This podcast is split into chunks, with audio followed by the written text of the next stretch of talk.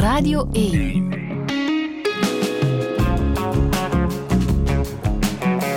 Douche. Met Friede Lesage. Nu het einde van het jaar nadert, blikken we graag terug op wat is geweest. Het touchéjaar 2023 was er een met hoge toppen. Dat kan Seven Summit bergbeklimmer Sophie Leenaerts bevestigen. Maar ook met diepe dalen.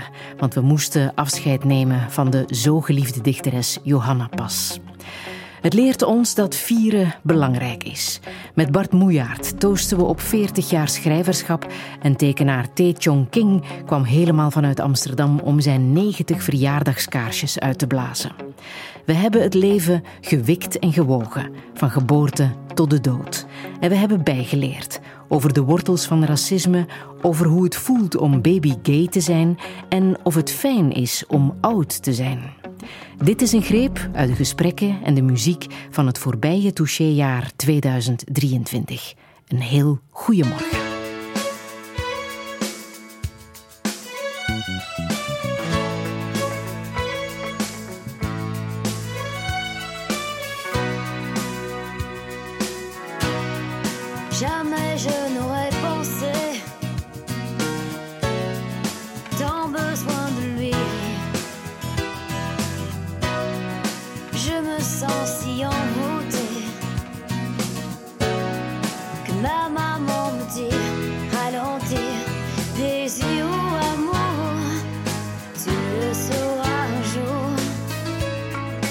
J'aime, j'aime tes yeux,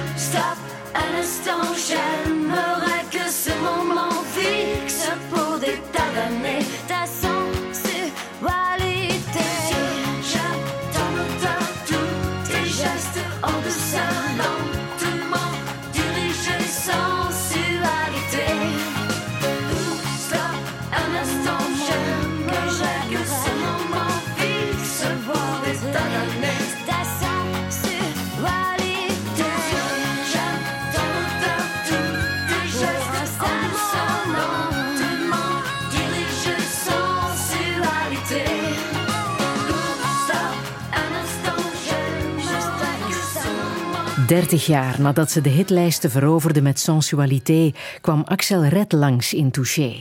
Een bijzonder gesprek over niet-evidente onderwerpen zoals anorexia, de menopauze en haar fascinatie voor hekserij. Eind april sprak ik met psychoanalyticus Paul Verhagen. We hadden het over zijn boek Onbehagen en hoe dat onbehagen de voorbije 40 jaar is gegroeid. Nochtans zijn we nog nooit zo vrij geweest en hebben we het nog nooit zo goed gehad. Zijn conclusie is dat we de verbondenheid met de ander volledig kwijt zijn. Was het vroeger dan echt zoveel beter? Ik ging met hem terug naar Les Trente Glorieuses, de naoorlogse jaren, de periode van economisch herstel waarin hij zelf is opgegroeid. Was die opleving toen echt voelbaar? Dat was in terugblik zeker voelbaar in die zin. Dus mijn, mijn uh, vader was de, de, schoenmaker van het dorp. Samen met mijn moeder hadden zij een, een, eerste winkeltje. Maar dat winkeltje hebben zij uitgebouwd tot echt een bloeiende handelszaak. En um, de vrienden van mijn ouders waren allemaal middenstanders. Dat waren bakkers, een uh, die dan ook allemaal bij de plaatselijke brandweer waren. En er waren dikwijls vergaderingen bij ons thuis. En uh, dat was als kind heel boeiend om naar te luisteren. En wat ik mij vooral herinner, en dat is dan een, een illustratie van die Trente Glorieuze, dat is het optimisme in die periode. Het ging ieder jaar beter. En, en, en die mensen keken bij, bijna uit naar, naar het, het wordt nog beter. Ik heb een telefoon weten binnenkomen, de eerste auto weten binnenkomen, de televisie weten binnenkomen, de wasmachine, de, de, de vaat was... Uh, dus het, het, er, was, er heerste toen echt een, een optimisme. En ook de overtuiging van uh, iemand die hard werkt, die maakt het wel. Hè. En dat was toen ook waar. Ja. Dat is vandaag de dag niet meer waar. Hard werken maakte ook gelukkig. Uh, ik heb mijn ouders samen die zaak weten uitbouwen. Die werkten zeven dagen op zeven in uh, de eerste 10, 15 jaar, denk ik. De verplichte verlofdag, die is er, ik weet niet meer welk jaar dat die er gekomen is. Uh, en ja, die deden dat heel graag. Die, dat maakte hen gewoon blij. Ja. Die kwamen ook heel goed overeen. Ja. Het gevolg was wel dat jij op internaat moest. Jij vloog op internaat oh, in nee, Kortrijk. Dat, dat wordt vaak zo gedacht, hè, dat ik ja. uh, op internaat moest om, om, als zoon van middenstanders. Nee, dat is eigenlijk nog een ander verhaal. Uh, ik was de oudste thuis. Um, in mijn familie was er geen traditie van studeren. Uh, in die periode kwam het PMS op, de voorloper van de CLB. Dus kinderen werden getest. Bleek dat ik tot de intelligentere kinderen behoorde. En uh, ik kreeg mijn ouders ook te horen dat ik uh, middelbaar onderwijs moest volgen. En dan waren er een aantal scholen die eigenlijk de ronde van de dorpen deden en, van de, en naar de ouders gingen om te zeggen van ja, zou je zoon niet bij ons komen uh, studeren? Die kwamen letterlijk aan huis, die kwamen ronselen. Mm -hmm. Waarschijnlijk kwamen die toekomstige pastoors ronselen. Ik heb dat ja. nadien gedacht dat dat wel ergens iets in die richting zou kunnen geweest zijn. En eigenlijk het meest voor de hand liggende zou geweest zijn dat ik met de fiets naar school ging in Roeselare. Eh, terwijl door het feit dat die, die, dat die vraag er kwam, zat ik plots op internaat in Kortrijk. Merkwaardig genoeg in een uh, school waar één internaat verplicht was en twee, het allemaal kinderen waren van middenstanders. Dus je zat in een soort verbondenheid. Ja, ja. Misschien zelfs iets te veel, want ja, als uh, opgroeiende puber uh, heb je natuurlijk ook wel een beetje privacy nodig. En op internaat kan dat alles tegenvallen. Ik heb daar geleerd hoe ik mij kan afzonderen in groep en hoe ik afstand uh, kan houden. En hoe deed je dat? Ja, eerst en vooral je kan vluchten in fantasie. Hè. Dat, dat, is denk ik de, de makkelijkste manier uh, om, om weg te zijn. En wat je heel snel ook leerde in, op internaat is niet opvallen. En als je opviel, dan moest je zorgen dat je erboven stond. En ik had het geluk dat ik inderdaad tot de betere van de klas behoorde. En dan word je altijd wel iets meer dan, dan de anderen. En ik heb ook een vrij scherpe tong. Dat had ik toen ook al. Dus als ik die gebruikte, kon ik dat... Ik, ik raakte daarmee weg, laat het mij zo uitdrukken. Van waar heb je dat, die scherpe tong? Ik weet het niet. Uh, ik, weet het. ik heb altijd heel veel gelezen. Misschien dat ik daar een aantal dingen opgepikt ja. heb. Ja. En als je iets meer mocht dan de anderen, ja. wat was dat dan? Uh, ik kon bijvoorbeeld kritiek geven op een aantal van de leerkrachten. Uh, en werd daar naar geluisterd? Wel, niet als twaalf jaar, hè, maar toen ik 15, 16 was en ik zat systematisch dan toch wel bovenaan in die klas. En, uh, en ik formuleerde dat ook wel op een, een, een manier dat het herkenbaar was. Ik bedoel, ik heb het ook maar achteraf. Ik heb daar dan nog les over gehad, maar ik, ik, had dat intuïtief door. Als je een kritiek geeft, moet je het over heel concrete dingen hebben. Van dit vind ik niet oké, okay, dit kan mm -hmm. toch op een andere manier. En niet in het algemeen van hij heeft slecht les. Bedoel, dat kan niemand iets mee aanvangen. Ja. ja. Dat wist je toen al, dat je dat op die manier moest formuleren. Ik wist dat niet, ik deed het gewoon op die manier. Uh, Nochtans, dat was een periode waar er niet zo heel veel plaats was voor emoties en gevoelens. Hè? Uh, zeggen hoe je je bij iets voelt. Dat emoties was... zeker niet, maar het was wel de periode waarin, vergeet niet, het is de, de periode van de anti-autoritaire opvoeding. Uh, ja. Mei 68 uh, lag nog maar een paar jaar achter ons. dus er was wel een voedingsbodem die dat mogelijk maakte. Ik denk dat het dat niet zou gekund hebben, mocht ik vijf jaar vroeger geboren zijn dat ze niet genomen geweest zijn. Maar heb je dat gemist, dat er toch minder uh, plaats was voor emotie, voor, voor gevoelens? Voor uh, jouw ontluikende ja, mannelijkheid? Ik heb dat pas veel later beseft dat ik dat gemist heb. Op mm -hmm. het ogenblik dat je het niet hebt, weet je niet dat je het niet hebt. Hè. Uh, komt eigenlijk maar veel later aan bod. En eigenlijk later is na, na mijn dertigste hoor. En als je dan daar met... Ik heb twee goede loopvrienden uh, van dezelfde generatie, ook alle twee uit dezelfde streek uiteindelijk. En ja, daar praat je dan wat over. En dan ontdek je gelijkaardige voorgeschiedenissen die het eigenlijk niet mogelijk maken om over lichamelijkheid en over gevoelens te praten totdat je dertig zit. Ja, maar dat is lang, hè? Als je dan dat pas... Uh, ja. Ja. ja. En wat was dan het alternatief voor jou? Was er een alternatief? Of is die periode zo voorbij gegaan? Maar die periode is, is er niks zo voorbij gegaan. En je zoekt ook geen alternatief als je niet weet dat je iets mist. Hè. Ja, ja. Als je weet dat je iets niet hebt dan zoek je, en, en dat je het niet kunt krijgen, dan zoek je een alternatief. Maar dat beseften wij eigenlijk niet eens. Er was wind en de zon Schoon het in bij elkaar zo bijzonder. Vandaag een alles geweest, niet mijn best, en zeven en stress.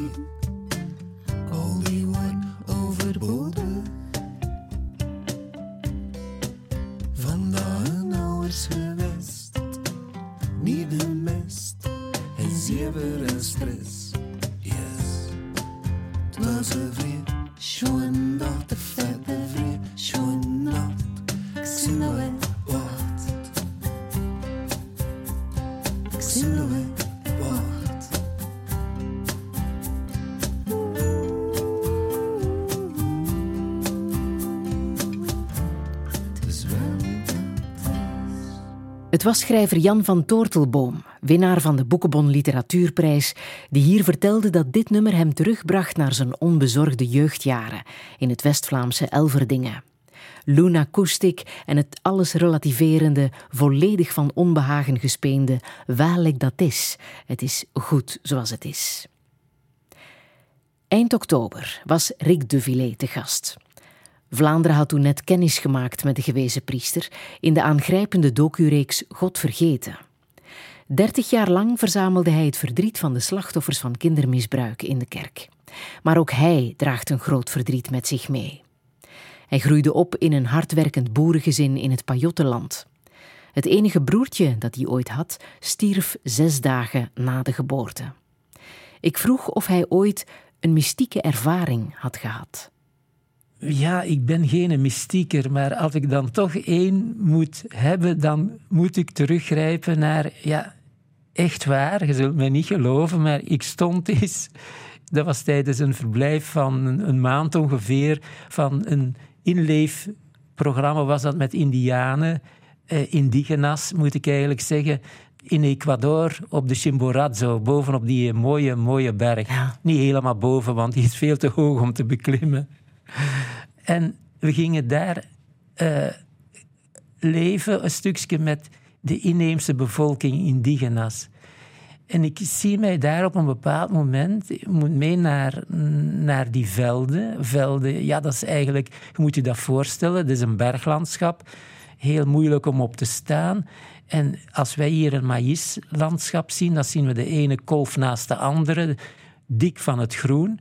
Daar is dat hier ene, stek maïs, dan doe je een stap verder nog, nog een stek maïs en dan nog twee stappen verder weer ene. En daartussen waren die mensen aan het zingen en oogsten. En ik zie die mensen bezig en we mochten dan zo een beetje meedoen. En ineens dacht ik, maar ik sta hier, raar wat ik nu ga zeggen, ik sta hier tussen mijn ouders. Ik kan dat niet verstaan, maar ik, ik was direct thuis bij mijn ouders. Hoe van waar kwam dat gevoel, denk je? Ja, ik, ik weet het niet, maar uh, ik voelde mij zo één Aha. met die mensen. Dus dat was precies dat hier, van hier. Ik kom van hier. Had dus- het misschien ook te maken met het feit dat jij je ouders vrij jong bent verloren? Hè? Ja, dat is zo. Dus uh, ja, ik was er uh, nog geen dertig. als mijn moeder en mijn vader gestorven zijn, die waren nog geen vijftig of rond de 50 jaar. En uh, ja, op één week tijd was ik hen alle twee kwijt. En ik zei daar straks al, ik ben enig kind. Dus dat was in totaal alleen. Ja. En hoe zijn ze gestorven? Ja, mijn moeder die heeft uh, lange jaren suikerziekte gehad. Uh, ja, haar, haar leidensverhaal begint al bij mijn geboorte. Want ik ben geboren tijdens de Tweede Wereldoorlog, uh, bombardementen. Dus ik herinner mij nog dat mijn moeder uh, me vertelde later dat, dat ik zes maanden oud was voor zij mij de eerste keer zag. Dus, want ze moest dan van het ziekenhuis omwille van bombardementen naar Leuven verhuizen. Dan waren er bombardementen in Leuven en moesten naar Namen. Dus uiteindelijk lag ze in Namen. Mijn vader die moest zich verbergen voor, voor de Duitsers. Dus die kon mijn moeder bijna niet bezoeken. Dus dan moeten verschrikkelijke toestanden geweest zijn. Ik, mijn grootmoeder heeft mij dan uh, die, die eerste maanden als, als kindje verzorgd. Dus uh, ja, dat waren al de beginverhalen. Dus uh, ook mijn, mijn grootvader.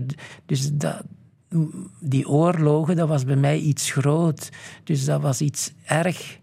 En dus ik herinner mij nog dat mijn grootvader ja, dat hij soldaat was tijdens de Eerste Wereldoorlog. Uh, dat hij net voordat die oorlog uitbrak al, al drie jaar legerdienst had moeten doen. Dan begint die oorlog, dan, moet hij, dan heeft hij vier jaar geduurd. Dan via Antwerpen is hij dan ja, naar Nederland verhuisd in zo'n kamp waar Belgische militairen gevangen zaten of, of, of zaten. En ja, zo heeft hij ook mijn grootmoeder leren kennen. Dus uh, hij is van, na de oorlog met mijn, uh, zoals in de familie zei, de tante Netje naar huis gekomen uit het Sertogenbos. En het is dus dat tante Netje dat mij heeft grootgebracht. Dus, uh, dus ik, en hoe is het dan met jouw moeder vergaan? Ja, uh, mijn moeder is dan redelijk, uh, heeft wel gezonde periodes in het leven gehad, maar kreeg suikerziekte. En in die jaren waar dat dan kwam alle dagen de dokter, de deur open, boem, die bikuur erin, dokter buiten, zonder uh, nazorg of controle van de suiker. Dus hoe dikwijls heb ik mijn moeder niet gevonden met, met, met te veel suiker of te weinig en zo. En ja, geleidelijk aan is, is dat op haar nieren geslagen en is ze dus daaraan overleden. Mhm. En uh, dat was net in die jaren van autoloze zondagen. Dus, en ik was in die tijd dan net onderpastoor in, in Halle.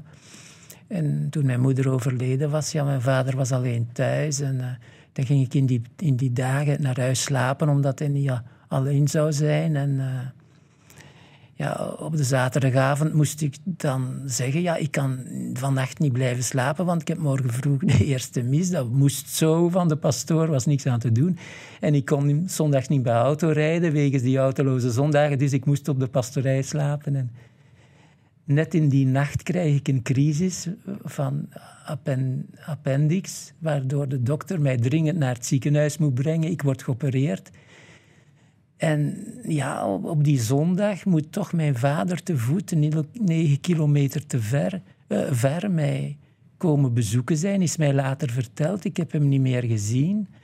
En hij is nog alleen bij mijn meter thuis geweest. Heeft daar nog het verhaal gedaan dat hij bij mij geweest is. En dat ik daar, ja, ik was net geopereerd, dus wellicht was ik nog in, eh, in, ja, in slaap en, en zo. En ja, uh, is hij dan thuis, heeft hij zich verhangen. Dus op een week tijd. Dus ik kon dat niet meer aan. Niemand was alleen en dat moet verschrikkelijk zijn. Dus ja, dat was voor mij ja, on, onwezenlijk. Uh, ik stond op een week tijd. Ik had al zo'n beetje dat gevoel van dat alleen zijn. Hè. En nog meer. Allee, zo. En, en dan die dramatische omstandigheden, zo dicht op één. Dat was geweld, geweldig niet te beschrijven. Dus ik zeg dat hier nu zomaar, maar... Ja. Mhm. Wat moet hem tot ja, die beslissing hebben gebracht, denk je? Ja, ik weet het niet. Ik weet het niet. Dus ja, dus, ja het alleen zijn, het... Uh, ja. Zijn enige zoon ja. zien liggen in een ziekenhuisbed? Ja, uh, ja te veel ineens. Mm Te veel ineens. Ja. En hoe was dat voor jou om op een week tijd ja, dan, je beide ouders te begraven? Ik weet dat niet. Dus, uh, ik, ik, ik, ik, weet dat niet. Dus alles is doorgegaan. Dus begrafenissen zijn doorgegaan. Er waren mensen in de omgeving die er allemaal voor zorgden. Ik, ik zat erbij en ik keek ernaar. Zoiets, ja. Dus onwezenlijke periode. Dus dat je zegt, heb ik die nu echt meegemaakt? Is dat allemaal zo gebeurd? Dus eh, dat, dat was even uh, om van buiten de wereld te zijn. Ah. Dus, uh, en, en daarna gaat het leven dan weer door. Zo. Wat heeft jou kracht gegeven om door te zetten? Ja, ik, ik, ja, het is nooit makkelijk geweest. Dus uh, opgeven staat niet in mijn agenda zo. Dus uh, ja, het, het, is zo en het is zo. Ja, ik heb daar ook later weinig woorden aan, aan gegeven. Dus uh, ja, nu, nu dat ik uh, naar het einde ga en, en men zo een overzicht over mijn leven vraagt, hoort dat er natuurlijk bij. En dat zijn heel belangrijke punten. Het zou mhm. spijtig zijn moesten die niet uh, aan bod komen. Dus, dus ik waardeer dat ook, dat, dat mensen dat willen ook beluisteren en meenemen. Dat is ook een stuk van, mhm. van mijn leven, ja, niks aan te doen. Als jij nog iets tegen je ouders zou kunnen zeggen, wat zou dat zijn? Ik hou van u.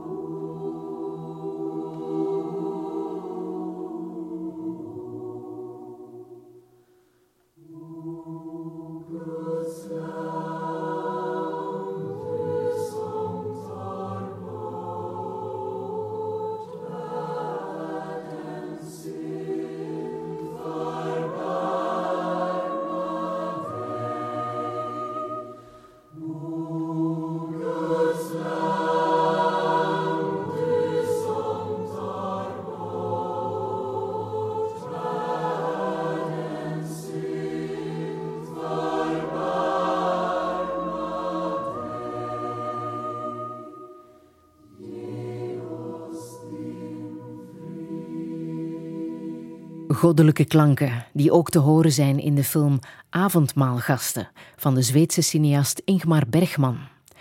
Alfons van Steenwegen zag de film in de jaren 60 en besliste toen om niet voor het priesterschap te gaan, maar seksuoloog te worden.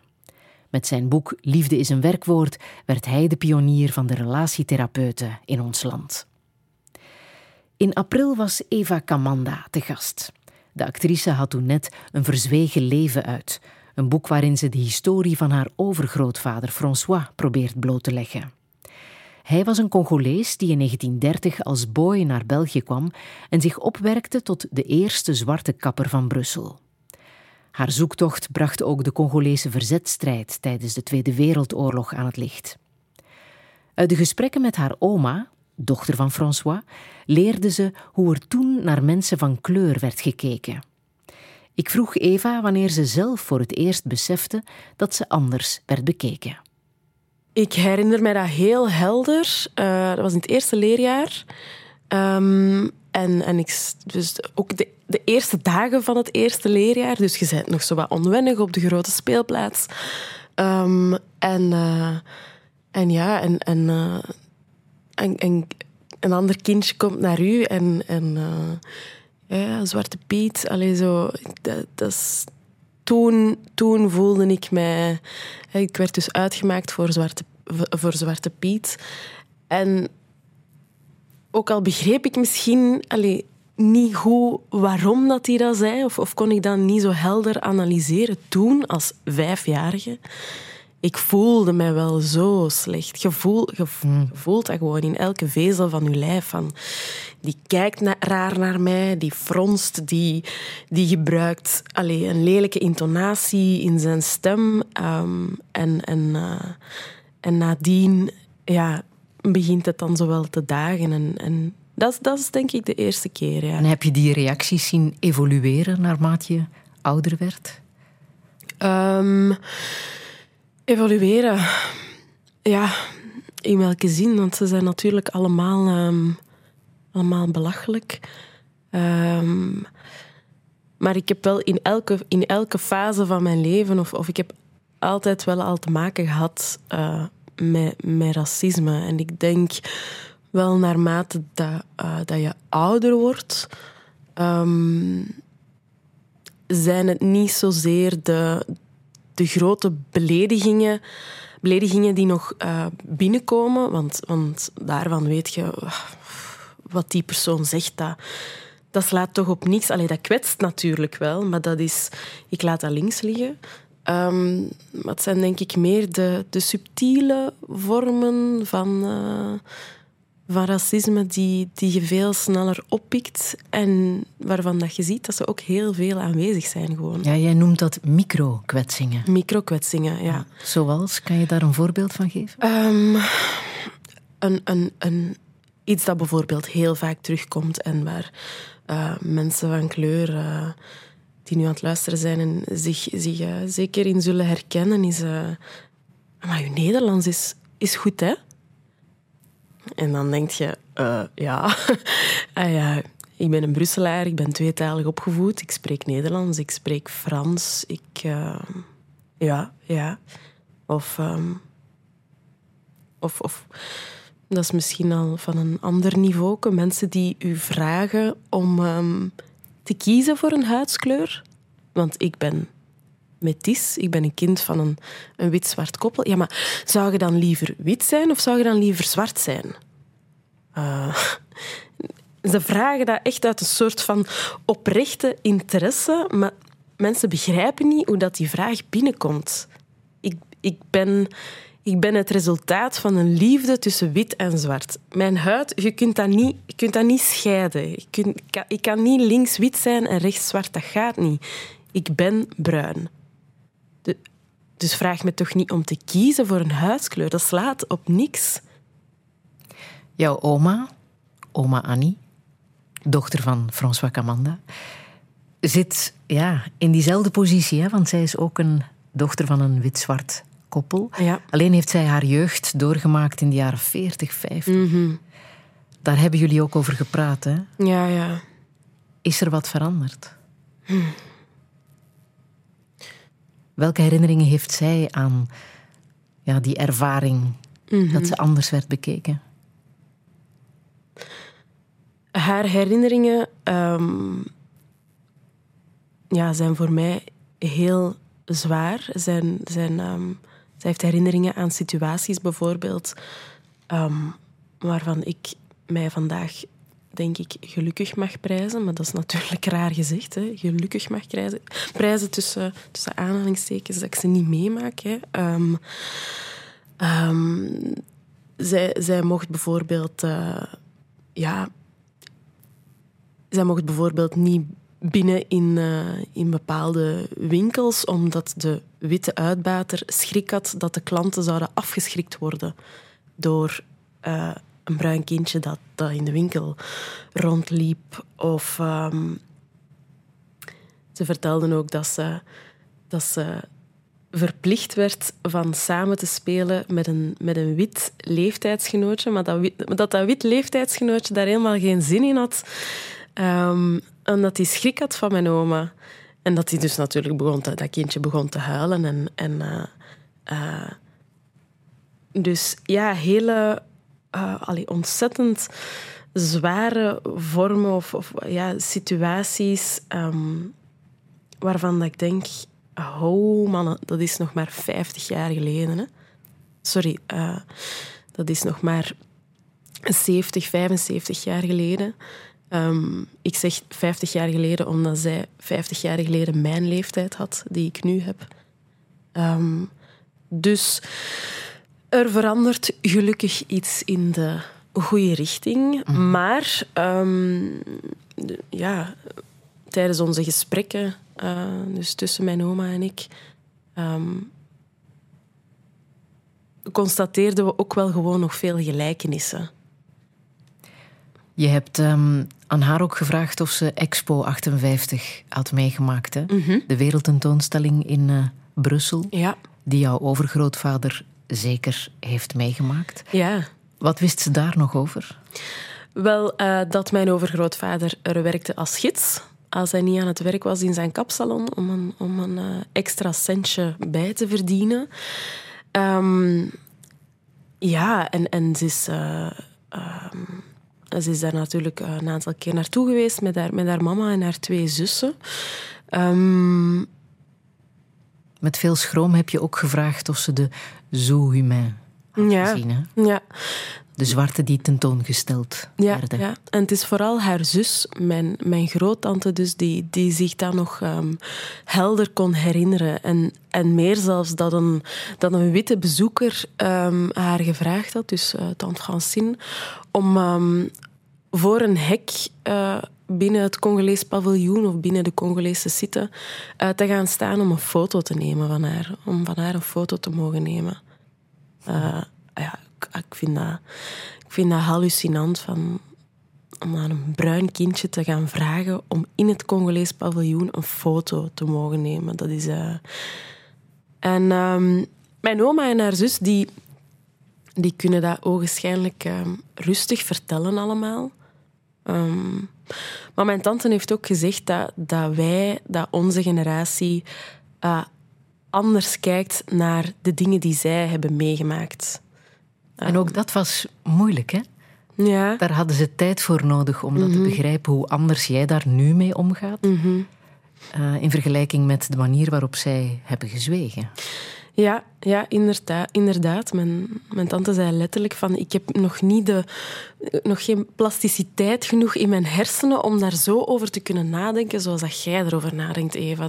Te kijken naar ja, die... Uh, ja, dat, dat, koloniale gewicht dat, dat heeft gelegen op mensen van kleur en nog altijd ligt op mensen van kleur. En, en het racisme dat zij hebben meegemaakt. Zij... Um, zij kijken daar anders naar. Ook omdat ze gewoon in een, andere, ja, in een ander tijdperk groot zijn. En zo lang hebben gezwegen. En ook. zo lang hebben Allicht. gezwegen. En er zijn inderdaad... Uh, ze hebben heel veel dingen opgekropt en, um, en dus niet over gepraat. En uh, ik was er dan om al die dingen eruit te sleuren. Ja. Tijdens het werken aan het boek Een Verzwegen Leven... Um, werd in Amerika George Floyd gedood door een mm. politieagent. En uh, de beweging Black Lives Matter werd toen ook internationaal uh, bekend. Dat heeft jouw strijd, denk ik, nog scherper gemaakt, hè? Dat, dat toen gebeurde. Ja. Um, dat heeft het heel uh, concreet gemaakt. Want die strijd, mijn strijd, um, onze strijd, is er natuurlijk altijd al geweest. Um, en er zijn jammer genoeg voor uh, George Floyd nog uh, mensen van kleur vermoord geweest door politiegeweld.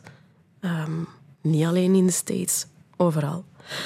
Maar het feit dat die moord zo expliciet op beeld is vastgelegd en de wereld is rondgestuurd, dat, heeft, is een katalysator geweest voor veel. Voor de Black Lives Matter-beweging. Um, voor ook um, persoonlijk, voor heel veel mensen van kleur. Van, het raakt jou heel erg, hè? Het raakt mij heel erg en het... Um,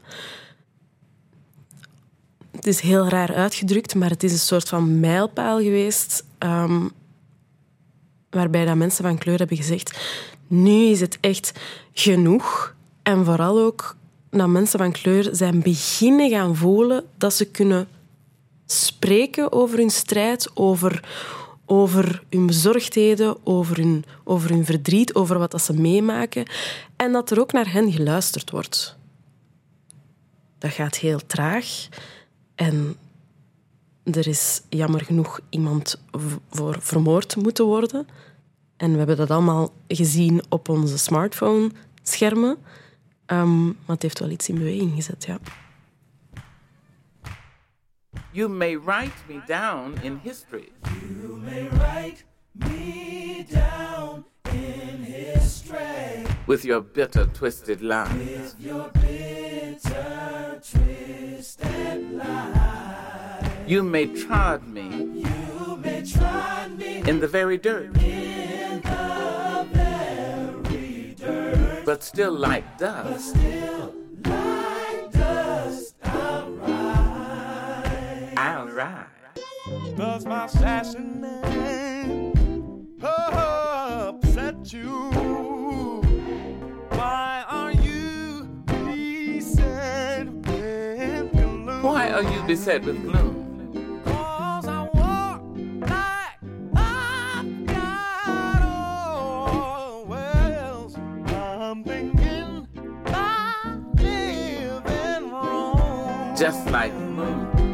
Just like moon.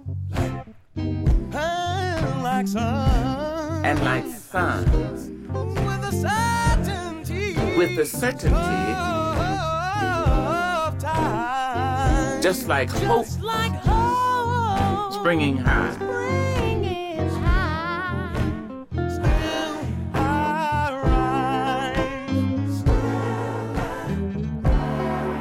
rise. Did you want to see me broken? Did you want to see me broken?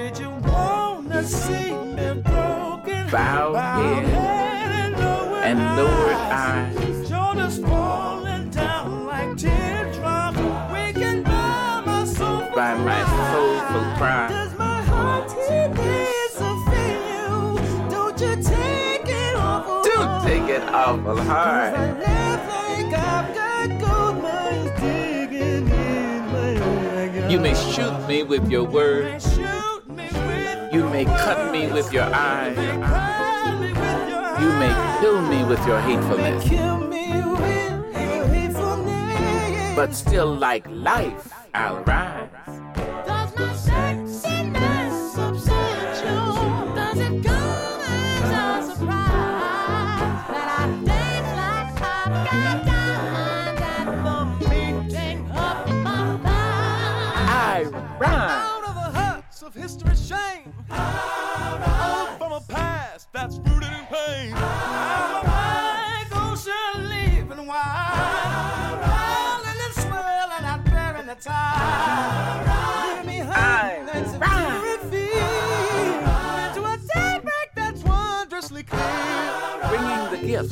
My ancestors gave. I am the hope and the dream of the slave.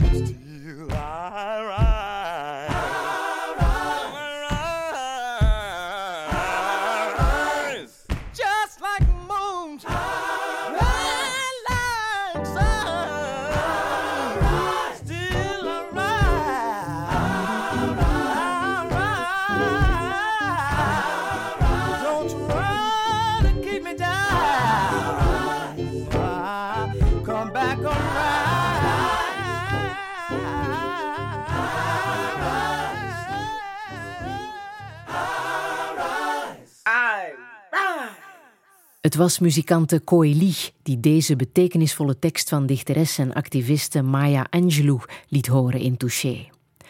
Ondanks tegenslag en racisme heeft Angelou altijd geloofd dat ze zou zegevieren. Still I Rise. En dat deed ze.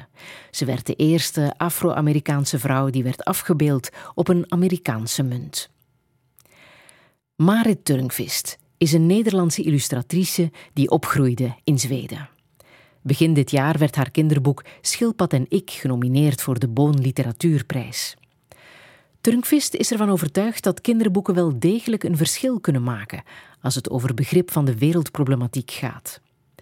Een thema dat haar zelf wakker houdt is de migratiepolitiek. Het dreef haar zo ver dat ze op Internationale Vluchtelingendag aan de toenmalige premier van Zweden ging vragen of ze werkelijk wou regeren over een land waar mensen die recht hebben op asiel dat niet krijgen. Ik vroeg Marit Turnqvist hoe de migratiepolitiek in Zweden momenteel loopt. Vreselijk. Het is, uh, het is nu een van de hardste landen van Europa aan het worden. Er komt ook bijna niemand meer binnen. Um, ze willen mensen die na jaren vechten een permanente verblijfsvergunning hebben gekregen. Die vergunningen willen ze weer openbreken en weer tijdelijk maken, zodat die mensen weer in angst zijn het land te moeten verlaten. En er is nog veel meer aan de hand. Uh, het is echt gruwelijk wat ze. Mm. Uh, het, is, het is ook gegrond in een diep geworteld uh, racisme. En waar komt dat vandaan, denk je? Ja, dat is altijd heel moeilijk te zeggen. In Zweden was de ontevredenheidspartij de Sverigedemocraten. Maar dat is wel een op nazi gestoelde partij. Waar heel duidelijk gesproken wordt over, over groepen mensen die niet thuis horen in de Zweedse uh, cultuur en maatschappij. En ik denk dat Zweden zo weinig menging heeft gekend eerder dat ze nu ook, ja, er is een zondebok-sfeer hangt er. De, de, mensen met een andere migratieachtergrond, die zijn echt nu de zondebok. Er is een diep geworteld racisme. Uh, en dat komt nu allemaal boven. En men schaamt zich er ook niet meer voor. Het is heel, heel erg. Ja. Je zei zo net, mensen zoals ik die jongens verborgen hebben gehouden ja. om ze te beschermen. Dat heb je echt gedaan, hè? Ja, ja, ik ben, in, ik ben in een hele rare situatie terechtgekomen. Wat ik ook zei, van ik noem mezelf niet een activist of zo. Maar ik had gewoon, ik had in een AZC met kinderen getekend. En er, dat is een er asielcentrum? Was, ja, ja, ja. sorry. Dat is het Nederlands -hmm. woord. Asielzoekerscentrum. En ja, en daar uh, was een jongen van in het begin twintig. En die hielp mij met vertalen. Hij sprak acht talen. Dus, en hij, hij vond het leuk met kinderen. En een jaar later kwam ik hem tegen en ik herkende hem amper. Hij was helemaal vermagerd en hij liep als een oude man bijna met uitslag en het trilde. En ik, ik vroeg, wat is er aan de hand? En hij zei van ja, ik, uh, ik heb mijn laatste afwijzing gekregen. En uh, als ze me nu vinden en ze zetten me uit naar Kabul, hij kwam uit Afghanistan, dan uh, ga je, de dood wacht op mij in Kabul, zei hij letterlijk. En toen ben ik met hem gaan zitten, want ik begreep het helemaal niet. Ik dacht, dat kan niet. Iemand die, hè, die denkt dat hij dat niet gaat overleven, die krijgt bescherming. En toen heb ik een paar uur met hem gezeten en hij heeft alles verteld. Nou, dat verhaal, het was helemaal gruwelijk. En ik realiseerde mij, hij liet me ook documenten zien. En de manier waarop hij het vertelde, nou, ik dacht, ja, hij heeft gewoon gelijk. Hij gaat dit niet overleven. Tegelijkertijd wist ik dat de grenspolitie al bij wijze van spreken naar het asielcentrum kon komen om hem te halen. En hem gewoon in een vliegtuig te zetten. En toen ben ik naar huis gereden. En toen eh, naar mijn huisje in het bos daar. En daar was mijn man. En toen wist ik op dat moment van ja, nu ga ik dus aan hem zeggen dat wij iemand gaan laten onderduiken. Uh, die, die hij niet eens kende. Uh, en ik ga het doorzetten. En dat heb ik ook toen gedaan. Um, we hebben hem in eerste instantie zelfs even niet bij ons kunnen hebben. Maar hij is met mijn dochter, die toen nog maar 19 was en net een rijbewijs had. Uh, die moest weg en die woonde vier uur verderop op een eiland. En die heeft hem meegenomen eerst een week. Um, en toen daarna um, is hij wel teruggekeerd. Maar toen waren we door de fase heen dat ze echt actief naar hem aan het zoeken waren. Uiteindelijk heeft hij anderhalf jaar uh, ondergedoken gezeten. Uh, en daarna volgden er andere jongens, want hij bleek helemaal niet alleen te zijn. Uh, en dat is eigenlijk een helemaal uit de hand gelopen project geworden. Waar ik nu een beetje om kan lachen, maar het was echt niet leuk. Heb je die jongens kunnen kunnen redden. Ja, Hoe is het nu met hen? Ja, uiteindelijk hij is gevlucht na zes jaar in Zweden. Ik heb nog een hele nieuwe procedure voor hem kunnen krijgen, maar dat is ook weer mislukt. En inmiddels was hij ook heel erg slecht aan toe, psychisch. En uh, nou, uiteindelijk hebben we besloten bij hem in 2021 dat hij weg moest vluchten uit Zweden. En alle anderen zijn eigenlijk ook weggevlucht op één na. En die kwamen onder de brug in Parijs terecht. Nou, je hebt die foto's en filmpjes wel gezien. En tussen de ratten en het vuilnis. En ja, dat waren jongens die gewoon gewerkt hadden periodes als ze werkvergunningen hadden. En, en die gestudeerd hadden aan de Universiteit van Kabul. Of, nou ja, het was zo vreselijk. Maar ze, hij ze zijn eigenlijk allemaal bijna allemaal veilig nu. Maar het werden er dus heel veel. Ja, want maar als je zegt veilig, hebben ze dan. Uh, ja, hij heeft vluchtelingenstatus gekregen. In Frankrijk zeiden ze dat hij vijf asielredenen had. In Zweden werd, er geen enkele gerespecteerd. En uh, bij mij in Amsterdam woont nu ook een jongen. Dat was dan weer zijn vriend. Uh, die heeft 2,5 jaar in Zweden ondergedoken gezeten. En die is uiteindelijk ook naar Frankrijk gevlucht. En toen ging het daar ook weer mis. En toen is hij uiteindelijk naar Amsterdam gegaan. Ik werd helemaal gek van die jongens zo te zien rondzwerven. En uh, nou ja, en die is toen bij ons komen wonen. En hij woont nog steeds bij ons. Maar hij heeft ook direct vluchtelingenstatus gekregen. Mm -hmm. Dus ik bedoel, het gaat niet over niks. Hier in België zijn er ook een paar die direct vluchtelingenstatus... of, of na een procedure. Ja. Je zei zo net even langs je neus weg. Ik ben naar een asielzoekerscentrum gegaan en ik ontmoette daar hmm. uh, die jongen.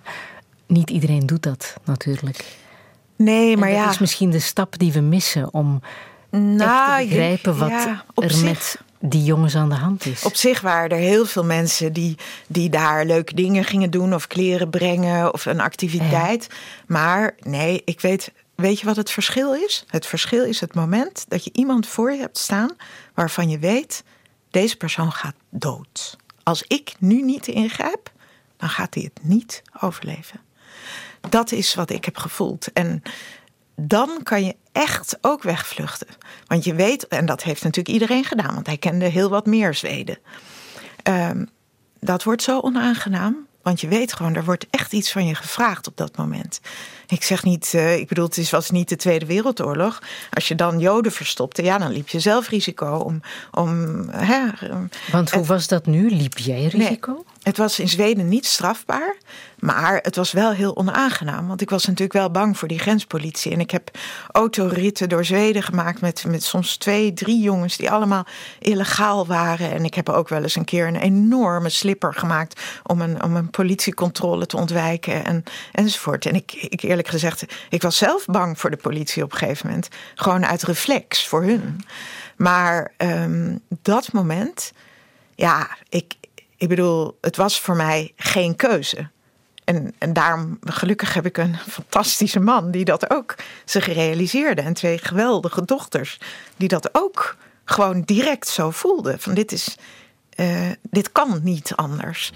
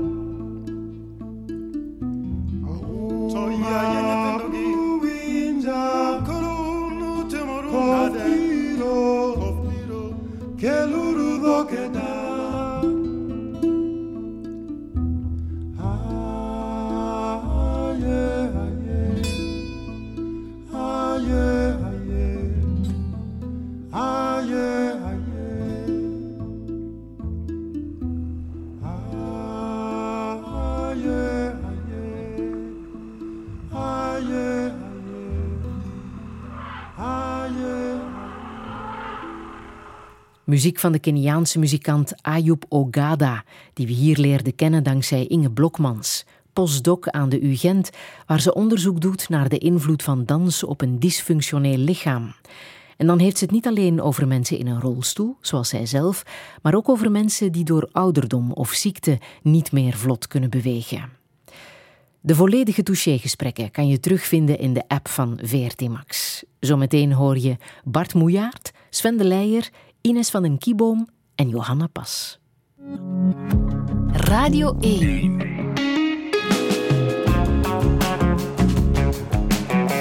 Douche. Met Friede Lesage. En met de meest rake momenten van het afgelopen touchéjaar 2023. Een bijzonder jaar waarin schrijver Bart Moejaert zijn 40 jaar schrijverschap vierde. Waarin Sven de Leijer de liefde voor zijn publiek kwam bewijzen. Waarin we onze oudste gasten, kunstenares Ines van den Kieboom, mochten ontvangen. En waarin we afscheid namen van dichteres Johanna Pas. En er was natuurlijk ook de muziek als medicijn, als wijze levensles of als herinnering. You got the real boy. You got the power now. Ain't no use to run, ain't no use to hide. Take a ride on nightlife. It's not a good life, and I hear you screaming inside. Boy, you're a lonesome sorrow. Boy, you're a lonesome sorrow. Don't act like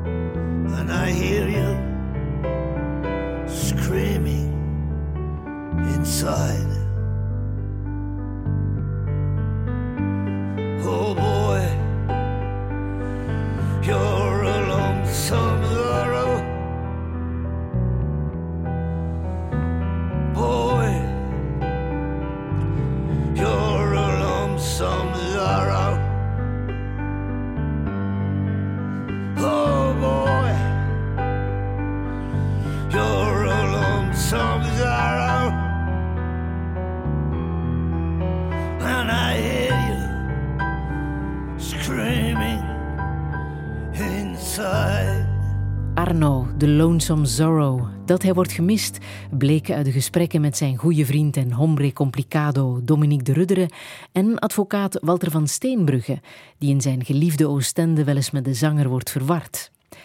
Ook zijn tante, Ines van den Kieboom, ging niet aan Le Plus Beau voorbij.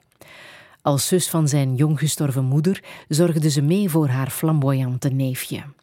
Ze is er ondertussen 93 en daarmee de oudste gasten die we ooit in Touché mochten ontvangen. Afgelopen jaar stelde ze voor het eerst in haar leven haar schilderijen tentoon. Dat hadden ze bij haar geboorte nooit gedacht. Ze was een prematuurtje van anderhalve kilogram. Ik vroeg haar of het fijn was om zo oud te zijn. En dit was haar antwoord. Nee, nee, nee. Ik zal zeggen waarom. Oké, het is fijn nu dat ik aan mijn leeftijd een hype ben, zal ik zeggen. Nee, hoort dat niet gern hoor. Je lichaam, vandaag is dit, morgen is dat. Dat is nog minder erg. Morgen heb je hulp nodig. Je kunt niet meer gaan of staan voor dat je wilt, want ik moet altijd een van mijn kinderen lastigvallen. Hm? Je kunt geen plannen meer maken. Je kunt niet zeggen, oh, ik kon dit nog doen, ik kon dat nog doen. Oké, je kunt dat wel zeggen, maar ik zeg dat niet. Ik weet dat ik geen plannen meer kan maken. Omdat het niet haalbaar is. Omdat het niet haalbaar is. Maar ik heb één voordeel. Ik leef vandaag. Gisteren, en dat is echt gewoon. Vrienden in Oostende zeiden dat. Hoe kun je zo leven? Gisteren, dat is voorbij. Morgen weet ik niet wat dat er gebeurt. Maar ik weet wel wat dat er nu gebeurt. En morgen, zeker dat ik zoveel vergeet. Want mijn dochter zegt altijd, dat had hij al altijd gedaan. En het is feitelijk waar. Want ik weet als kind dat mijn vader zei... Oh, ik heb dat vergeten. Dat hem zei...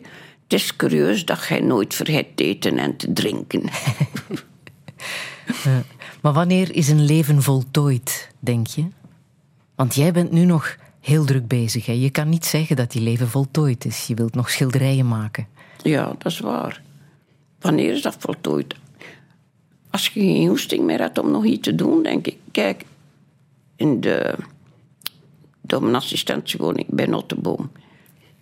Dat is een heel goede instelling, moet ik zeggen.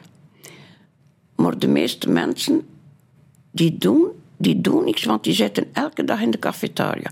Natuurlijk, ze worden bezig gehouden, want de ene keer is dit en de andere keer dat. Maar ik heb de indruk ja, dat ik door de enige levende mens ben.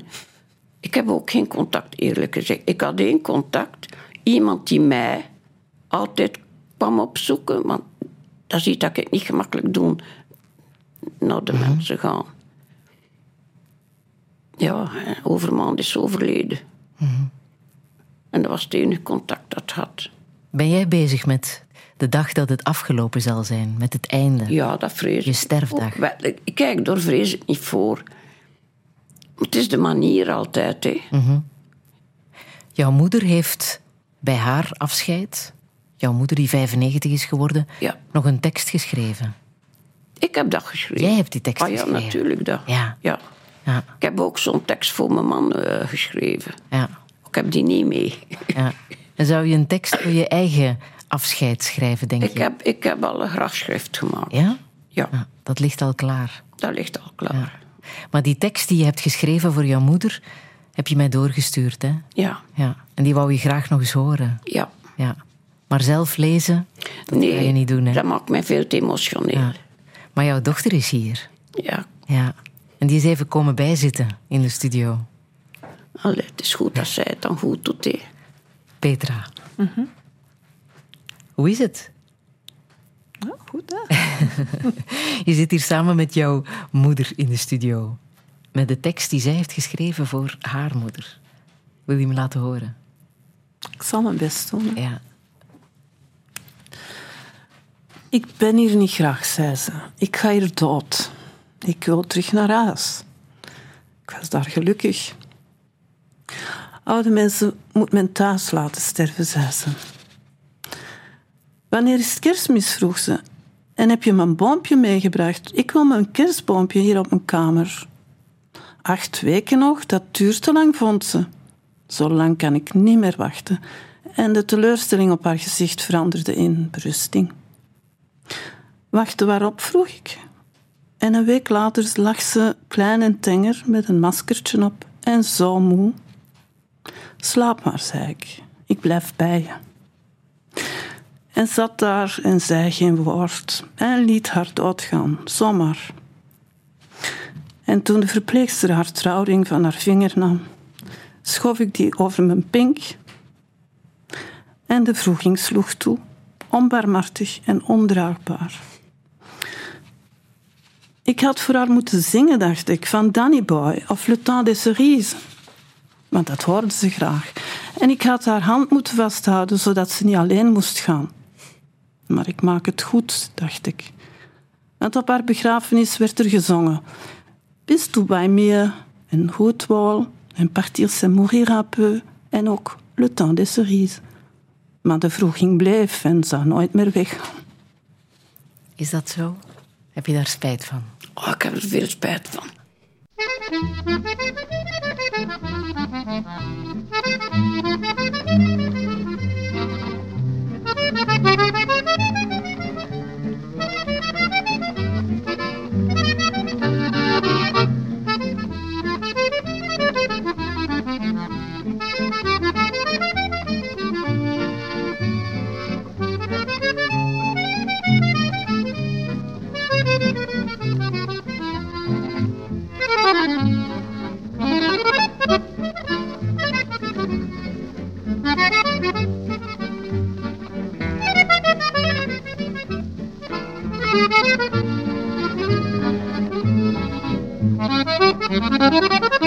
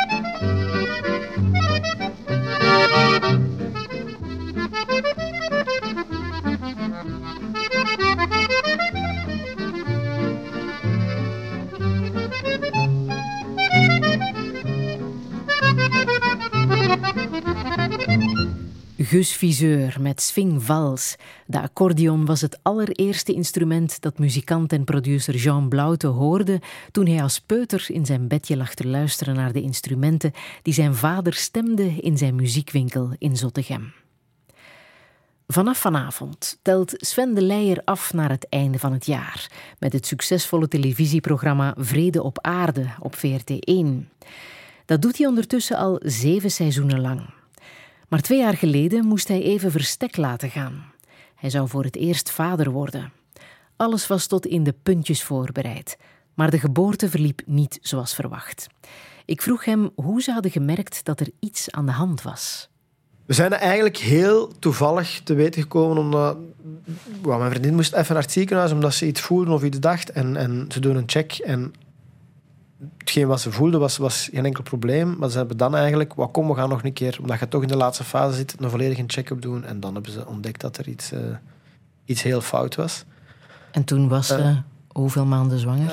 Uh, twee, wacht, acht, zeven, ja, bijna acht maanden. Ja was echt al tegen het einde van Ja, ja we, we, waren echt gewoon aan het, de dagen aan het aftellen. Tot, er kon niks meer misgaan. Alles. Je houdt er ook geen rekening meer mee dat het op die moment nog fout kan lopen. Zo, Mhm. De bevalling zelf, dat hoorde nog wel eens dat er daar iets misgaat. Maar op, op zeven, acht maanden...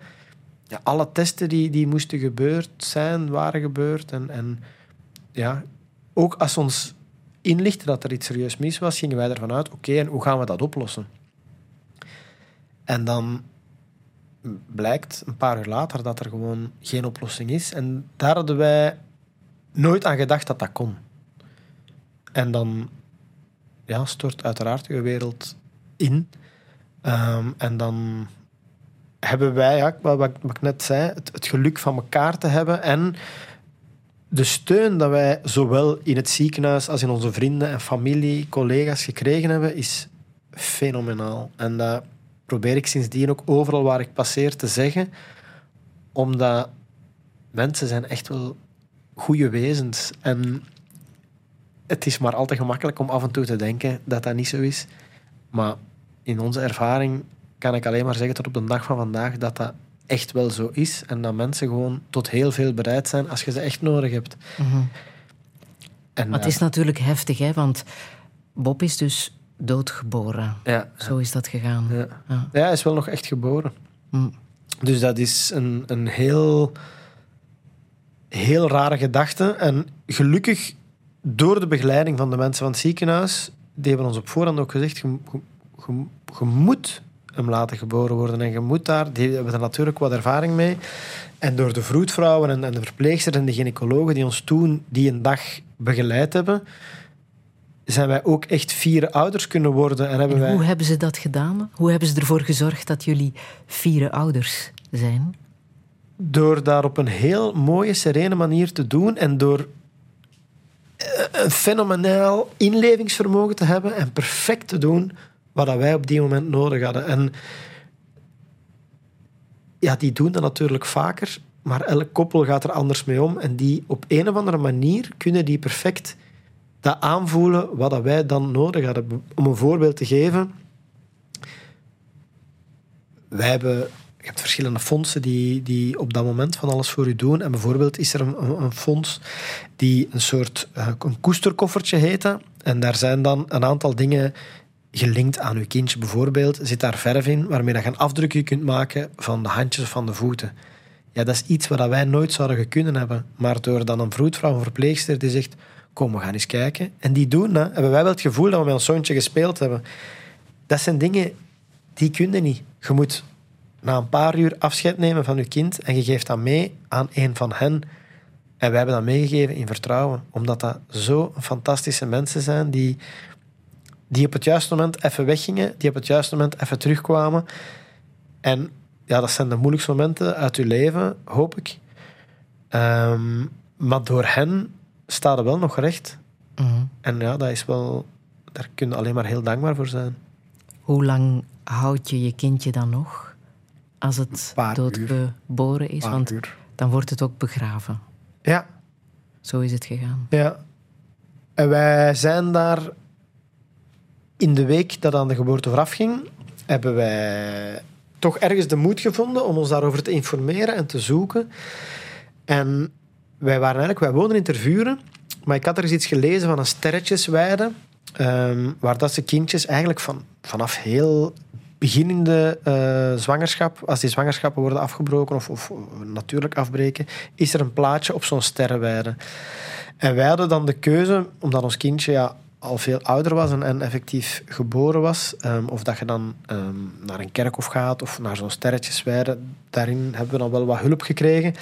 En ik dacht dat dat enkel in Leuven was, dus we waren eens naar Leuven gaan kijken en daar hebben we inderdaad zo'n sterretjesweide.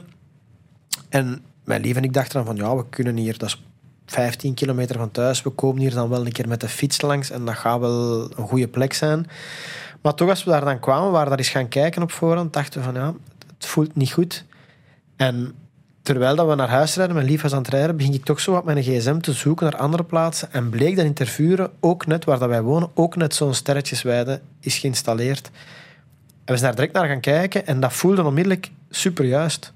En dat is een heel schoon plekje dat ze daar op het kerkhof gemaakt hebben, waar dat de mensen die, die het onderhoud van het kerkhof doen ook altijd verse bloemetjes zaaien. Dat is een, op een of andere rare manier een hoopvolle plek. En wij zijn ondertussen verhuisd, één dorpje verder, waardoor de weg langs het kerkhof onze route naar huis en van huis is geworden. Wat dat heel goed is, want dat is voor ons een plaats waar dat we vaak passeren. En we kunnen daar te voet naartoe gaan. En tegen dat we daar zijn, is meestal ons eerste verdriet weer even weg. Kunnen we daar even op het gemak zitten. Daar is een schoon bank, dat is een hoopvolle plek. En gaan we met een glimlach terug weg, meestal. Mhm. Je was natuurlijk wel voorbereid op het ja, de komst van dat eerste zoontje. Hè? Ja. In huis, kinderkamer klaargemaakt. Alles was klaar, ja. Heb je dat gelaten? Ja, dat was eh, veel dingen, maar niet alles. Maar mijn vriendin ging bevallen in, in professionele drukste periode van het jaar voor mij. En we hadden dat zo wel goed geregeld dat echt alles, alles, alles klaar stond. Dus ja, als je dan van het ziekenhuis terugkomt met heel slecht nieuws en, en alles in je huis is klaar om een kind te ontvangen, je eerste kind, ja, dan is dat wel heel confronterend. Dus sommige dingen hebben we gelaten, tot op een dag van vandaag, die echt gelinkt zijn aan hem. En andere dingen, bijvoorbeeld de koets, die stond ook in onze living. Ja, die ben ik wel gaan terug naar de winkel, omdat ik dat zo... Dat, dat, dat, dat was niet juist. Maar bijvoorbeeld zijn, zijn verzorgingstafel, ja, dat is dan zo'n beetje zijn, zijn plaatsje geworden waar dat veel foto's stonden en bloemetjes en al die dingen. Dus ja, je, je maakt dan ja, je gaat er wat creatief mee om. Maar het is door, door hem zo aanwezig bij ons te hebben, dat het ook lukt om ermee aan de slag te gaan. Mhm. En daarin hebben we wel ook... Het ziekenhuis Gasthuisberg heeft daar ook op psychologisch vlak een hele goede dienstverlening in. Ja, en die mensen, die, die hebben ons daar enorm mee begeleid. Ook in, in het professioneel traject van, ja, wat gaat er met uw werk doen en, en hoe gaat het daarmee om? En ja, het is zo wel dankzij hen dat wij onze weg daarin aan het vinden zijn. Mhm. Want officieel is het rouwverlof drie dagen als je Ehm, een kind op deze manier verliest? Ja, dat zou kunnen. Dat, dat weet ik zelfs niet. Omdat wij gewoon alle twee telefoon hebben gekregen van onze werknemer. Laat maar weten als je er klaar voor bent. En ja, ik zeg het, wij zijn waarschijnlijk zeer bevoorrecht, maar hoe dat iedereen tot op een dag van vandaag voor ons zorgt, mijn collega's ook. Tuurlijk heb ik nog slechte dagen en zijn er momenten, bijvoorbeeld ook de laatste week, ja, dat is dan net twee jaar geleden. Mijn collega's die stellen zich geen vragen als ik wegga of aangeef, mannen, het gaat niet, of vrouwen, het gaat niet. Die, die vragen gewoon, kunnen we iets doen? Of, en dat heeft mijn lief ook. En ja, dat is wel... Dat, dat, dat is de manier hoe dat je met elkaar omgaat. En dat is fijn om te voelen dat, dat, dat mensen dat doen en dat het ook werkt.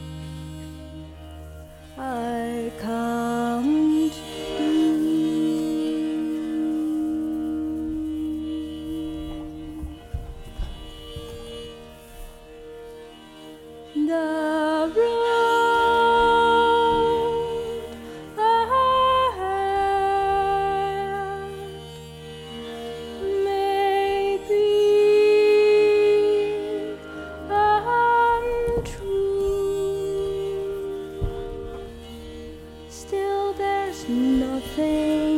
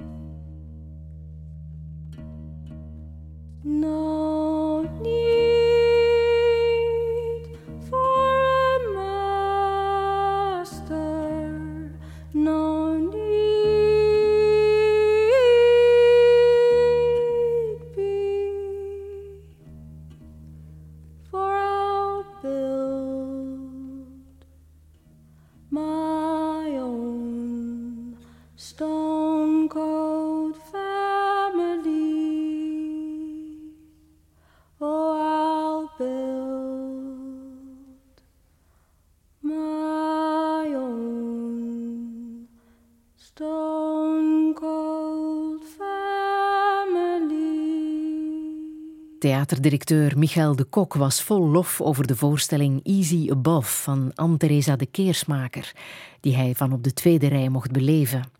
Een voorstelling waarin de 24-jarige Mesker en Mees dit breekbare nummer zingt, Ariel's Song. De Kok is net 50 geworden en schreef het boek Alleen verbeelding kan ons redden, om uit te leggen waarom verzinsels essentieel zijn voor een democratie. Dit nummer geeft hem vertrouwen in de jeugd en in de toekomst. Bart Moejaert staat dan weer aan de vooravond van zijn 60ste verjaardag en vierde dit jaar 40 jaar schrijverschap. En natuurlijk zijn die 40 jaar niet zorgeloos voorbij gegaan. Er waren de intense projecten, een stuk gelopen relatie en een verhuis van Antwerpen naar de natuur. Het was zijn huisdokter die hem op een dag doorverwees naar een psychiater. Ik vroeg hem hoe het ondertussen ging bij zijn psychiater. Het, is, het gaat goed. Eh, het is anders dan ik verwacht. Maar, ehm, wat er zo fantastisch is, is dat het geen interview is. Dus je krijgt geen vraag van eh, antwoord hier nu eens op.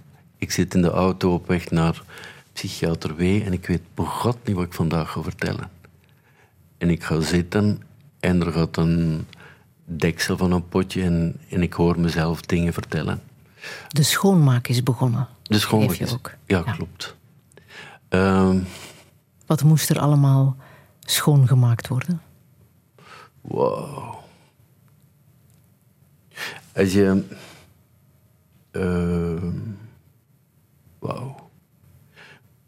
Je weet waarschijnlijk in 2014, 15, 16 in een project zat voor Frankfurt. Ik was artistiek intendant van een groot project. Vlaanderen en Nederland zou gastland zijn.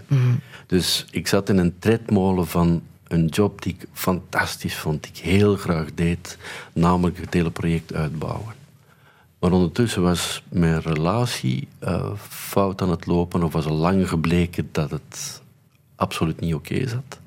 Dus de rommel neem je mee terwijl de tredmolen bezig is. De rommel van beseffen dat je niet zo goed bezig bent, uh, uh, speelt ook nog verder door je hoofd. Je wil ook nog een verhaal schrijven en dat verhaal komt maar niet op papier, dus die rommel gaat ook nog mee in die tredmolen. Om een lang verhaal kort te maken, op een bepaald moment dus, halleluja, de eerste lockdown, komt er plotseling stilte, de tredmolen valt stil. En het eerste half jaar, misschien spreek ik ook voor andere mensen, was een zaligheid, want de hele wereld viel stil. En je kon met een pint op een trappetje naar je tuin zitten kijken en denken van, hè, hè. Maar na die zes maanden merkte ik dat er heel veel rommel was overgebleven. Niet alleen verpakt in dozen van het huis waar je naar verhuisd, naartoe, naartoe verhuisd bent. Je moet nog dringend uitpakken en ordenen. Maar ook dat het hoofd niet op orde was. Um, en als er iets is wat ik op dit moment, ik bedoel dan vorig jaar, erg lastig vond, was dat ik gewoon niet wist hoe ik het moest doen. En dan werkt een psychiater of een psycholoog of ja, eigenlijk specifiek een psychiater op een goede manier. Omdat ik, ik, in mijn geval, hoorde ik mezelf dingen zeggen waarvan ik niet eens wist dat ik ze gedacht had. En dat is de mooiste vorm van schoonmaken, denk ik. Ook als ik, als ik terug in de auto stap na het uur of, of anderhalf uur, hoe lang het ook duurt. En je zit een tijd naar je stuur te kijken voor, voor je vertrekt. En nog een moment bedenkt van, wat was dit? Oké. Ah. en dat is, wat er fijn aan is, is dat het nog niet helemaal opgeruimd is, maar je bent ermee bezig. Mhm. en, je, en je weet ondertussen hoe je moet opruimen. Ja, ja. Helpt het nu je in Kalmthout woont, dat de natuur jou omringt? Het helpt zeker. Maar eerlijk is eerlijk, het slaat ook in je gezicht. Uh, rust zorgt ervoor dat je plotseling ziet wat er voor onrust in je kop zit. En in mijn geval was dat vorig jaar heel sterk aan de hand. En door dat zo sterk te, te voelen, zoek je een manier om langzamer te wandelen, anders te kijken. Uh, uh, maar ik bedoel het zelfs letterlijk anders te kijken naar dat ene kleine detail. Die bloem die zo geweldig mooi is. Als mensen mijn Instagram volgen, dan zien ze dat ik God betert af en toe een bloem in de tuin fotografeer. Omdat ik echt denk van, uh, iemand heeft dit gemaakt, namelijk niemand. Is dat niet fantastisch? Kijk eens naar die vorm en kijk eens hoe het licht erdoor speelt. En dat brengt mij tot, zonder zweverig te worden, brengt mij tot een bepaalde rust. Um, en het... Uh, weet je wat er ook duidelijker wordt, is... Uh, ik word dit jaar 59. En laat ons hopen dat er nog jaren bij komen. Maar je begint wel na te denken over wat je nog wil. Wat vind je nog belangrijk? Welk boek wil je zeker nog geschreven hebben? Van de gedichten weet ik niet wat er langskomt. Die komen aanwaaien. Maar de boeken, daarvan weet ik welke boeken er nog in mijn hoofd zitten of in een map in mijn computer. Maar wat wil jij voor jezelf nog? Los van de job. Um, ik denk dat, dat dat wat, als je het mij nu vraagt, en volgend jaar zal het iets anders zijn, maar als je het mij nu vraagt, is het balans. En balans tussen rust, onrust, uh, de, de, oh, laat ik het zo beschrijven. De, de rust die ik heb op een zomerdag in Kalmthout om mijn kop koffie, s ochtends vroeg, om half zeven s ochtends, eh, in mijn pyjamabroek op het terras te gaan zitten. Met die kop koffie naast me. Vier minuten niet na te denken, maar gewoon te denken van, hey, of te, zien, dit is. Oh, hoor eens naar die vogels. En vier minuten is niks, hè, Is Bart? niks, absoluut niks. Maar ja, dan komt de moeiaard in mij boven die zegt... Minuut vijf moet zinvol worden ingevuld.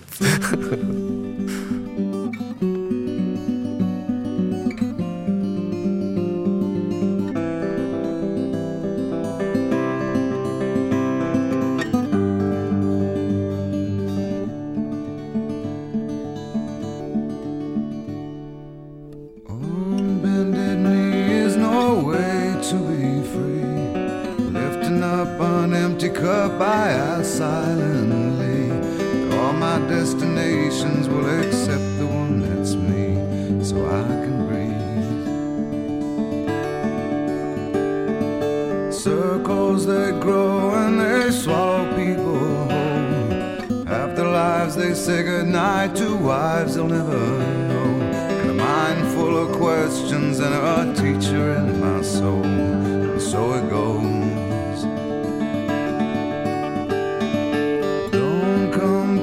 closer or I'll have to go.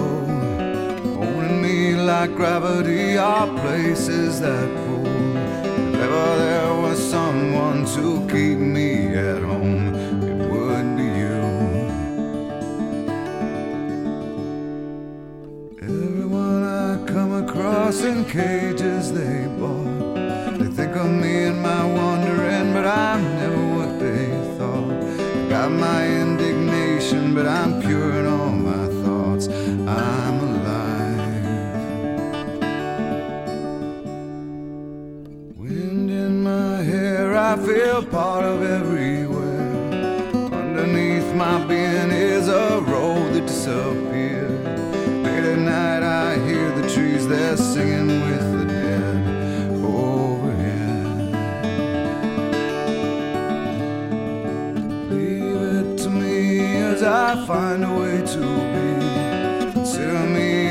satellite forever orbiting.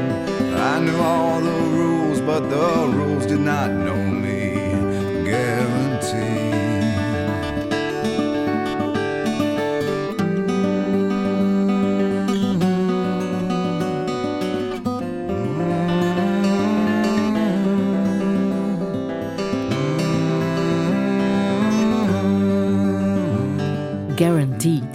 was niet alleen wildplukker Ben Brumagne die Eddie verder liet horen, maar ook de documentairemaker van Onze Natuur, Pim Nieste. Allebei waren ze erg onder de indruk van de iconische film Into the Wild, waarin deze muziek te horen is. Een film over Chris McCandless, een student die wou ontsnappen aan de maatschappij en de wildernis van Alaska introk. Zowel Ben als Pim zoeken, net als Bart Moejaert, naar een evenwicht tussen deze zot draaiende maatschappij en de kracht van de wilde natuur. Eind januari, kort na Gedichtendag, was Johanna Pas te gast in Touché. Als jongste van zes voelde ze zich een raar kind. Maar ze vond vriendjes in boeken. Later maakte ze daar haar levenswerk van als dichter en literair vertaler. Met de queer boekhandel Kartonnen Dozen in Antwerpen hielp ze haar klanten aan de juiste verhalen. En ook voor zichzelf vond ze een evenwicht tussen de Jo en de Hanna in haar naam. Helaas dwong kanker haar de zo geliefde boekhandel te sluiten. Ik nam Johanna terug mee naar 2016, een lastig jaar. Toen kreeg ze slecht nieuws. 2016 was voor de eerste keer uh, borstkanker. Ja, dat had ik niet zien aankomen. Ik had, net als veel mensen, denk ik, niet gedacht dat ik kanker zou krijgen. Ja.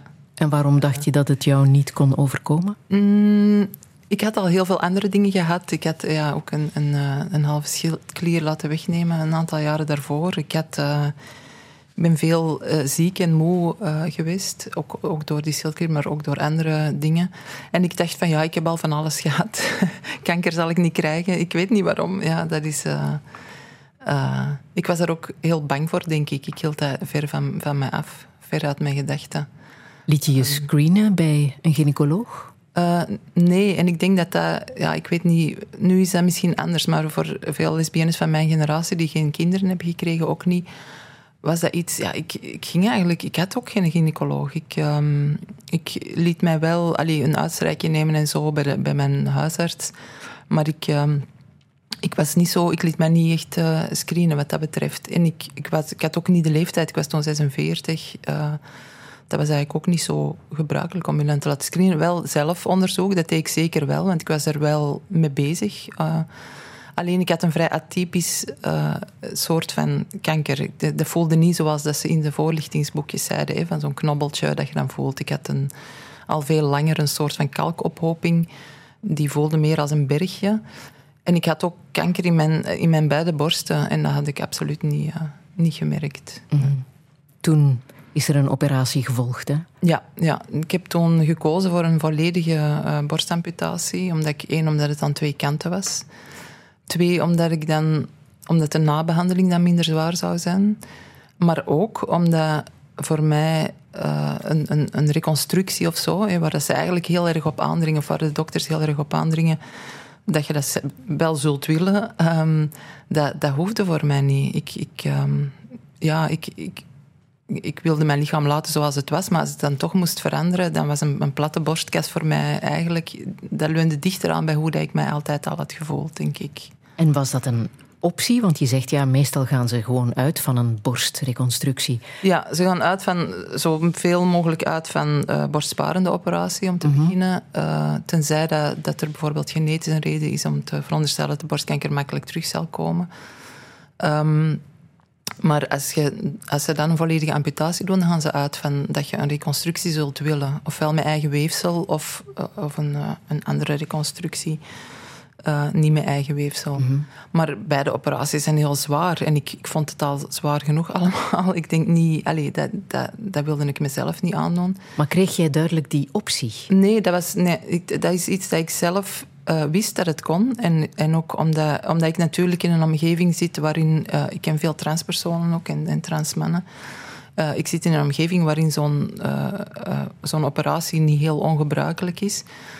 Um, dus ik ik wist sowieso ja, dat, dat, dat dat een optie was. Alleen uh, doordat, het, uh, doordat ik bij oncologie die operatie heb laten doen, is dat natuurlijk helemaal niet zo mooi of chirurgisch mooi gedaan. Ook al omdat ze de operatie zo hebben gedaan, alsof ik wel een reconstructie zou willen nog. Ja. Um, nee, het is echt omdat ik dat zelf in gedachten had. En ik heb dat echt bij elk gesprek dat, dat ik bij de oncoloog kwam, moest ik zeggen: nee, ik wil geen reconstructie. Ook later niet, nee, ik ga hier niet op terugkomen. En hoe werd en er daarop gereageerd? expliciet in mijn ja? dossier: ja? hè, de patiënt heeft zelf uh, gevraagd om een volledige amputatie. Dat, omdat zij zich wilde indekken, denk ik, tegen dat ik misschien later zou zeggen: uh, ik wilde toch, of ja, jullie Mhm. een fout gemaakt. Ja. Ja. Vond je dat een gemis dat dat gesprek zo moeilijk liep? Zeker, ja. Vooral omdat, doordat het gesprek zo moeilijk liep, was, er ook, was het ook niet duidelijk wat er dan mogelijk was. Hè. Doordat ik koos voor die volledige amputatie, hebben ze ook niet echt overlopen met mij van hoe gaan we dat dan doen, wat, wat wilde dan liefst, hoe wilde dat, dat eruit zien. Nadien, um, wat zijn de mogelijkheden? Nee, dat, dat gesprek was er niet. Ah. En dat heb ik wel gemist, denk ik. Ja. Mm. Ja. Hoe voelt dat nu? Nu... Mm, ik, ik ben ja, ik heb eens gezegd tegen iemand van... Ja, ik hou van mijn, van mijn lichaam zoals dat je houdt van een lichaam van iemand van wie je al houdt. Hè? Dus alles, alles is daar oké okay aan. Alles is daar mooi aan. En mijn gehavend lichaam is wat het is. De littekens zijn wat ze zijn. Ik denk niet dat ik ooit um, het, het mooier zou laten maken dan, dan het nu is. Ik vind het, ik vind het oké. Okay. Ik vind Mhm. een lichaam met littekens is ook mooi. Mhm. Het, uh, het zijn er ondertussen wel wat veel. Uh, dus soms is dat wel wat, wat bevreemdend, maar dat is het, ja, in de loop van, de van ons leven verliezen we dingen, de, zowel mentaal als, als fysiek, denk ik. En dit, uh, ja, dat, dat, dat zo ja, zien getekend zijn op mijn lichaam vind ik eigenlijk niet zo heel erg. Dat Ja. is hoe het leven is. Maar toch, het is op een korte tijd dat je zoiets moet beslissen. Hè? Dat, Ja, dat jouw leven heel wordt. snel, Dat- ja, ja, dat gaat heel snel. En daar ben je natuurlijk nooit op voorbereid. Nee, ik denk het niet. Nee, ik ben al blij dat ik, dat ik sowieso wist wat ik wilde. En dat, uh, dat in mijn omgeving daar ook veel ondersteuning voor was. Zodat ik dat kon uh, volhouden, ook, ook bij de artsen. Maar uh, het gaat heel snel. Ja. Ja. Ja. Toen, na die operatie, was je eerst kankervrij? Um, ze, ze zeggen eigenlijk niet meer dat je kankervrij bent. Of ze zeggen niet meer je bent genezen. Maar dat, ja, in principe wel. Ja, dus toen was er me- niks meer te zien. Mhm. Klopt. En dat is zes jaar uh, zo gebleven. Tot afgelopen zomer? Tot afgelopen zomer. Ja. Hoe was dat dan, om opnieuw zo'n telefoontje te krijgen? Erger eigenlijk dan de eerste keer, denk ik. Omdat de eerste keer was ik een soort van verbijsterd. Ik, dat, leek niet over mij te gaan. Ik was, dat was heel afstandelijk. Ik kon heel rationeel vragen stellen. Dan nog was de schok, de weken daarna was, was groot. Maar de, het perspectief was heel anders. De overlevingskansen bij borstkanker de eerste keer, of bij wat ik had, uh, bij het soort borstkanker dat ik had, is uh, 95 procent. En je, denkt al gauw dat je wel tot die 95 procent uh, zult behoren. Dat is ook een aantal jaren zo geweest. En ik ben wel nog een jaren bang geweest, denk ik. En toen zei een, vriendin van mij, die, die ook borstkanker had gehad, van ja, maar die angst dat gaat weg. Je, je denkt nu, dat blijft voor altijd, maar dat gaat weg. En dat klopt, die angst gaat weg. Mm -hmm. en dan komt het terug. Ja. ja. Maar je was gelukkig nog wel altijd zo voorzichtig en zorgzaam met je lichaam. Dat ja. je signalen had opgemerkt. Ja, ik heb wel zelf gemerkt de dingen die ook de eerste keer waren dat ik uh, begon te vermageren. Dat ik uh, een beetje misselijk en, en geen eetlust had. En, uh, en, dat het, ja, en, en, ik had pijn ook aan, aan mijn lever. Ja. Hoe bereid je je voor op de dood? Hoe doe je dat? Mm, ik denk dat ik denk dat je lichaam dat doet. Ik, um, toen, toen ik hoorde deze keer dat ik kanker kreeg, de eerste weken, voelde ik me ook heel ziek. Ik was heel ziek omdat die lever, allee, alles er rond was ontstoken. En ik, was, ik, ik, voelde me heel slecht. En ik voelde aan mijn lichaam dat, dat, het, dat het aan het sterven was. Of dat het, dat het, als, ik, als ze niks hadden gedaan, dan was dat ook zo geweest. Um, en dat voelde ik heel erg. En dat had um, ik had het gevoel dat mijn, dat mijn lichaam daar vrede mee had. Dat er, rust, dat er een soort rust mee gepaard ging. Dus ik weet niet hoe ik mij moet voorbereiden op het sterven, omdat ik niet weet hoe, hoe dat zal zijn. Maar ik heb mij wel verzoend met de, met de dood. En ik denk dat dat mm, door te lezen is, door, door ja, je bent niet uniek. Hè. Als je leest, dan, dan beseft je... Veel mensen zijn mij voorgegaan en die hebben dat ook gekund. En die hebben het... Uh, uh, die, ja, die, kun, die hebben dat ook gekund. Dus ik ga dat ook kunnen. Dat is denk ik hoe ik mij erop voorbereid. En ik, ik, ik, vind het ook niet erg om... We komen ergens vandaan, we gaan ergens terug naartoe. Om, om terug deel uit te gaan maken van het uh, universum, denk ik. Ja, is er iets, denk je, na de dood? Mm, is er iets voor het leven? Hè? Dat, dat, is, dat is ook de vraag hè, die, we ons, die we onszelf stellen. En, en dat is eigenlijk dezelfde vraag. Waar komen wij vandaan? Ik geloof, daar gaan we terug naartoe. En dat, is, dat was niet een heel slechte plek, want ik heb het gevoel dat ik als kind heel veel moeite had om hier op aarde te willen zijn. Ik, wilde, ik had altijd een soort van heimwee naar een, naar een plek waar ik vandaan kwam, zelfs als, als jong kind. Dat, ik had het gevoel dat ik ergens vandaan was gekomen en dat ik daar nog altijd naar terug verlangde. En ja, ik heb er nu zo lang over gedaan om dan toch graag hier te zijn. het is nu wel jammer, het zou nu wel jammer zijn als het niet meer lang duurt, maar, maar ik, ik, dat, dat stelt mij gerust op een of andere manier. Want weet je hoeveel extra time je hebt gekregen nee, Dat is, dat is heel weinig. De, de komende maanden zijn cruciaal om te zien of de behandeling aanslaagt of blijft aanslaan. Mm, dus dat weet ik niet. Dus, uh, allee, in ieder geval, ik hoop op tien jaar, maar het, is, ja, het kan veel minder zijn. En dat, ik probeer beide gedachten, een soort van evenwichtsoefening te doen, waarbij ik beide gedachten in mijn hoofd hou. Mm -hmm. Er is nog tijd en er is geen tijd.